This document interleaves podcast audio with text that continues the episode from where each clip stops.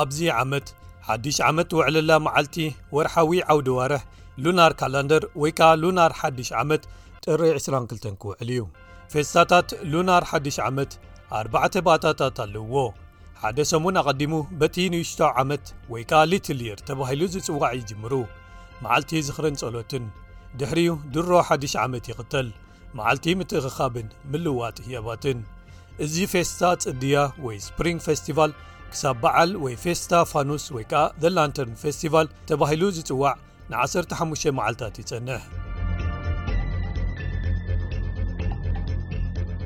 ዶር ፓንዋንግ ላዕለወይቲ መምህር ኣብ መጽናዕታት ቻይናን ኤስያን ኣብ ዩኒቨርሲቲ ኒው ሳውት ዌልስ እያ ንሳ ሓድሽ ዓመት ሉናር ዓውደ ዋርሕ እቲ ሉናር ዓመተ ካላንደር ወይ ከኣ ዓውደ ዋርሒ ኢልና ንጽውዖ ዝጅመርሉ እዩ ኣብ ዑደታት ወርሒ ዝምርኮስ ኮይኑ ቻይናዊ ሓድሽ ዓመት ወይ ከኣ ፌስቲቫል ጽድያ ተባሂሉ እውን ይጽዋዕ እዩ ትብል ኣብ ቻይናን ካልኦት ከም በዓል ኮርያ ቪትናምን ጃፓንን ዝኣመሰላ ሃገራት ምብራቕ ኤስያ ይበዓል ትብል ዶክተር ዋን ክትገልጽ እንከላ ኣብ ማሌዥያን ሞንጎልያን እውን ዝበዓል ኮይኑ ብዙሓት ኣብ መላእ ዓለም ኣብ ደገ ዝነብሩ ዳያስፖራ ውን የብዕልዎ ሉናር ሓድሽ ዓመት ክሳብ 4,00 ዓመታት ዝጸንሐ ታሪኽ ኣለዎ ካብ ስርወ ንግስነት ስያ ወይ ሻንግ ዝጀመረ ማለት እዩ ብምባል ዶክተር ዋንግ ትውስኽ ዶክተር ካይ ዣንግ ኣብ ቤት ትምህርቲ ባህሊ ታሪኽን ቋንቋን ኣብ ኣውስትራልያ ናሽናል ዩኒቨርሲቲ ካምቤራ ብሓድሽ መደብ ቋንቋ ቻይና ትሰርሕ ንሳ ፅምብላት ሉናር ሓድሽ ዓመት ኣብ ኣውስትራልያ ካብ መላእ ዓለም ንዝመፁ ሰባት ብዛዕባ ባህልታት ቻይና ሃገራት ደቡብ ምብራቕን ምብራቕን ክመሃሩ ሓደ ዓብዪ ዕድል እዩ ትብል ነዊሕ ታሪኽ ኣዝዩ ሃብታምን ፍሉይ መለለይን ኣብ ውሽጡ ዓሚቕ ትርጉም ዝሓዘን ባህላዊ ንጥፈታት እዩ ትብል ንሳ ንጥፈታት ሉናር ሓድሽ ዓመት ስልማታት ብምቕማጥን ብምስላምን፣ ድሮ ሓድሽ ዓመት ድራር ምስ ቤተሰብ ምምጋብ፣ ቀያሕቲ ፖስታታትን ካልኦት ህያባትን ምዕዳል፣ ጠራዕራዕ ዝብሉ ተተኮስትን ርችትን ምውላዕ፣ ከምኡ'ውን ሳዕስዒታት ኣንበሳን ጽንጽዋያዊ ገበል ወይ ከኣ ድራጎን ምዕዛብ የካትቱ። ሉናር ሓድሽ ዓመት ብመግቢ ዓሳ ብምብላዕ፣ ሽልቆ ጽብጦ ወይ ከኣ ዳምፕሊንግስ ምስ ቤተሰብን ዓርኪ መሓዙትን ብምትእኽኻብን፣ ይበዓል ክትብል ዶክተር ዋንግ ትገልጽ። ቀይሕ ሕብሪ ዕድለኛ ሕብሪ ተባሂሉ እዩ ዝቝጸር። ስለዚ ዋላ እኳ ብዙሓት ብቐይሕ ሕብሪ ዘጌጹ ስልማታት ትምልከቱ እንተዀንኩም፣ ንቻይናውያን ሓደ ቀይሕ ጶስጣ ከም ሓደ ኣገባብ መብዓሊ ሓድሽ ዓመትን ይዓብዩ ምህላዎም ንምብዓል ኢልካ ምሃብ ባህሎም እዩ። ኣይሪስ ታንግ ኣብ ቻይና ዓብያ ዕስራ ዓመት ይገብር ናብ ኣውስትራልያ ግዒዛ ንሳ እቲ ቐንዲ ፍልልይ ኣብ መንጎ ጽምብላት ኣብ ኣውስትራልያን ኣብ ቀንዲ መሬት ቻይናን ኣብ መበቆል ሃገራ ምስ በዓላት ሉናር ሓድሽ ዓመት ተሳንዮም ዝኸዱ ብዝሕ ዝበሉ ህዝባዊ በዓላት ዝኽበረሎም መዓልታት ምህላዎም እዩ ትብል እዚ ግዜ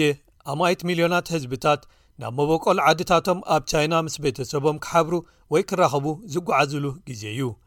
ታን ከም ትብሎ መግቢ ሓደ ኣገዳሲ ክፋል ጽምብላት ሉናር ሓድሽ ዓመት ኣብ ኣውስትራልያ እዩ ልክዕ ከምቲ ኣብ ቻይና ዝኾኖ ብውልቀይ ኣነ ኣዝዩ ብዙሕ ዝኾነ መግቢ ተዳልዩ ምስ ቤተሰበይን መሓዙተይን ኮይነ ኣብዚ ኣብ ካምቤራ የብዕሎ ኣብ ዙርያ ጠረጴዛ ኮፍ ኢልና ካብ ድሮ ሓድሽ ዓመት ጀሚርና ኣማይት ዝኾኑ ዳምፕሊንግስ ንሰርሕ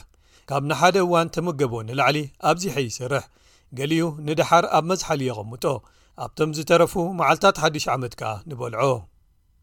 ዘመናዊት ቻይና ዓውዲ ዋርሒ ግሪጎርያን ትጥቀም እንተኾነት እኳ እቲ ባህላዊ ዓውዲ ዋርሒ ቻይና እውን ኣብ ቻይናን ኣብቶም ኣብ ደገ ዝነብሩ ቻይናውያንን ብሰፊሑ ኣብ ጥቕሚ ይውዕል እዩ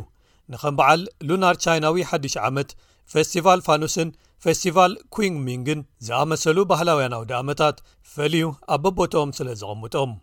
እዚ ብተወሳኺ ሰባት ኣብ ውሽጢ ሓደ ዓመት ንምምራጽ ክቡራት መዓልታት ንመርዓታት ቀብርታት መገሻታት ወይ ከኣ ጉዕዞታት ወይ ንግዲ ዝጅምሩሉ ወይ ንግዳዊ ዋኒን ዝኸፍትሉ ባህላዊ ቻይናዊ ኣስማት ይህቦም ትብል ዶር ዋንግ ባህላዊ ዓውደ ዋርሕ ቻይና ወርሕን ጸሓይን ዝኽተል ወይ ሉናር ሶላር እዩ ኣብ ምንቅስቓስ ወርሕን ጸሓይን ዝተመስረተ እዩ ስለዚ ዑደት ወርሒ ኣብ ዙርያ መሬትን ዑደት መሬት ኣብ ዙርያ ፀሓይን ክልትኡ ኣብ ግምት ዘእተወ እዩ ኣብዚ ዓውደ ዋርሕ ምጅማር ናይ ሓደ ወርሒ በቲ እታ ወርሒ ዘላቶ ምዕራፍ ይውሰን ልክዕ ኣብ ከምቶም ዝበዝሑ ሉናር ዓውደ ዋርሓት እቶም ኣዋርሕ ዕስራን ሸዓተን ወይ ሰላሳ መዓልታት ንውሓት ኣለዎም ምጅማር ናይቲ ዓመት ግን በቲ ጸሓያዊ ዓመት ወይ ከኣ ሶላር ይር ይውሰን ክትብል ዶክተር ዋንግ ትገልጽ ዝተፈላለዩ ዓይነታት ባህላዊ ቻይናዊ ዓውዲ ዋርሕ ኣብ መላእ ምብራቕ ኤስያ ሰባት ይጥቀሙሎም ኣብ ነፍሲ ወከፍ ዓመት መዓልቲ ሉናር ሓድሽ ዓመት ጥሪ ወይ ለካቲት ክትውዕል ትኽእል እያ ክትብል ፓንግ ዋንግ ትገልጽ እታ መዓልቲ ኣብ መንጎ መወዳእታ ጥሪ ክሳብ መፋርቕ ለካቲት ኣብ ዘሎ እዋን ክትውዕል ትኽእል እያ ጽምብላት ሉናር ሓድሽ ዓመት ከም ልምዲ ኩሉ ምሉ ክሳብ ክልተ ሰሙናት ክበጽሑ ይኽእሉ እዮም ካብ ድሮ ሉናር ሓድሽ ዓመት ክሳብ እቲ ኣብ መበል 15 መዓልቲ ናይቲ ሉናር ዓመት ዝበዓል ፌስቲቫል ፋኑስ ትብል ዶክተር ካይ ጃንግ ብመሰረት ቻይናዊ ዓውደ ወርሕ እቲ ፌስቲቫል ፋኑስ ምስ መበል 15 መዓልቲ ናይታ ቀዳመይቲ ወርሒ ዝቃዶ ወይ ዝሳነ እዩ ፌስቲቫል ፋኑስ ተባሂሉ ዝፅዋዕ ስድራ ቤታት ንደቆም ንኣሽቱ ፋኑሳት ዝሰርሑሎም ንእሽቶ ልምዲ ስለ ዘሎ እዩ ኣብ ኣፍ ደገ ገዞም ከኣ ነዞም ፋኑሳት የብርህዎም ትብል ንሳ ብተወሳኺ ንድሕሪት ኣብ ታሪኽ ክሳብ ዝከኣለና ምስ እንምለስን ክሳብዚ ቀረባ እዋን ከኣ ስርወ ንግስነት ታንግ ምስ እንምልከትን ሰፊሕ ዝመጠኖም ንጥፈታት ኣብታ መዓልቲ ይካየዱ እዮም ክትብል ትገልጽ ዶክተር ክረይግ ስሚዝ ላዕለዋይ መምህር ኣብ መጽናዕታት ምትርጓም ቻይኒዝ ኣብ ትካል መጽናዕቲ ኤስያ ወይ ኤስያ ኢንስቲትዩት ኣብ ዩኒቨርሲቲ ሜልበርን እዩ ንሱ ንውሑዳት ዓመታት ኣብ ታይዋንን ደቡብ ኮርያን ተቐሚጡ ነይሩ ኣብ ክልቲኡ ቦታታት ኣብ ዝጸንሓሉ ዓበይቲ ተዘክሮታት ኣበዓዕላ ሉናር ሓድሽ ዓመት ኣለዎ ዶር ስሚዝ ኣብ መዓልቲ ሉናር ሓድሽ ዓመት ኣብ ደቡብ ኮርያ ንናይ ጥንቲ ኣባሓጎታት ክብሪ ትህበሉ እዋን እዩ እዚ ምስ ካልኦት ባህልታት እውን ብሓባር ዝካፈልዎ እዩ ይብል ኣብ መዓልቲ ሓድሽ ዓመት ኩሉ ሰብ ነቶም ዝሓለፉ ኣባሓጎታቶም ዝኸውን መግቢ የዳልዉ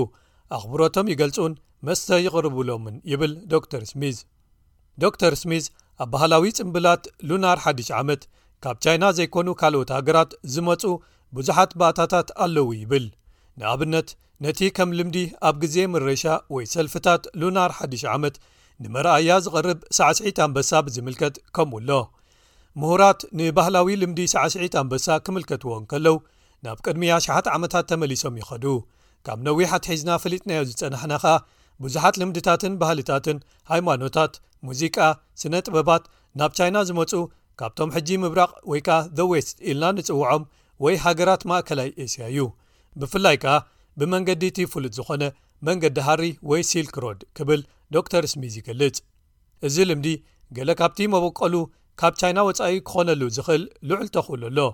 ብዙሓት ሰባት ኣብ ቋንቋውን ታሪኻውን ትንተናታት ተሞርኪሶም ምስ ፐርሽያዊ ባህልታት የተሓሕዝዎ እዮም 223 ዓመተ ማንቲለያ ካብዚ ሓዱሽ ዓመት ሉናር ካላንደር ጥሪ 22 ክሳብ ለካቲት 1224 ከኣ ይፅንሕ ሓደ ዞድያክ ዓመት ቻይና ኣብ ሉናር ሓድሽ ዓመት እዩ ዝጅምርን ዝውድእን ነብሲ ወከፍ ዓመት ኣብቲ ን12 ዓመታት ዝደጋገም ዑደት ዞድያክ ብዝተፈላለዩ እንስሳታት ዞድያክ ይግለጹ ወይ ይምልከቱ ነብሲ ወከፍ እንስሳ ከኣ ነናታ ትልለየሉ ባህርያት ኣለዋ ብመስርዕ ክቕመጡ እንከለዉ እዞም እንስሳታት ኣንጭዋ ብዕራይ ነብሪ ማንቲለ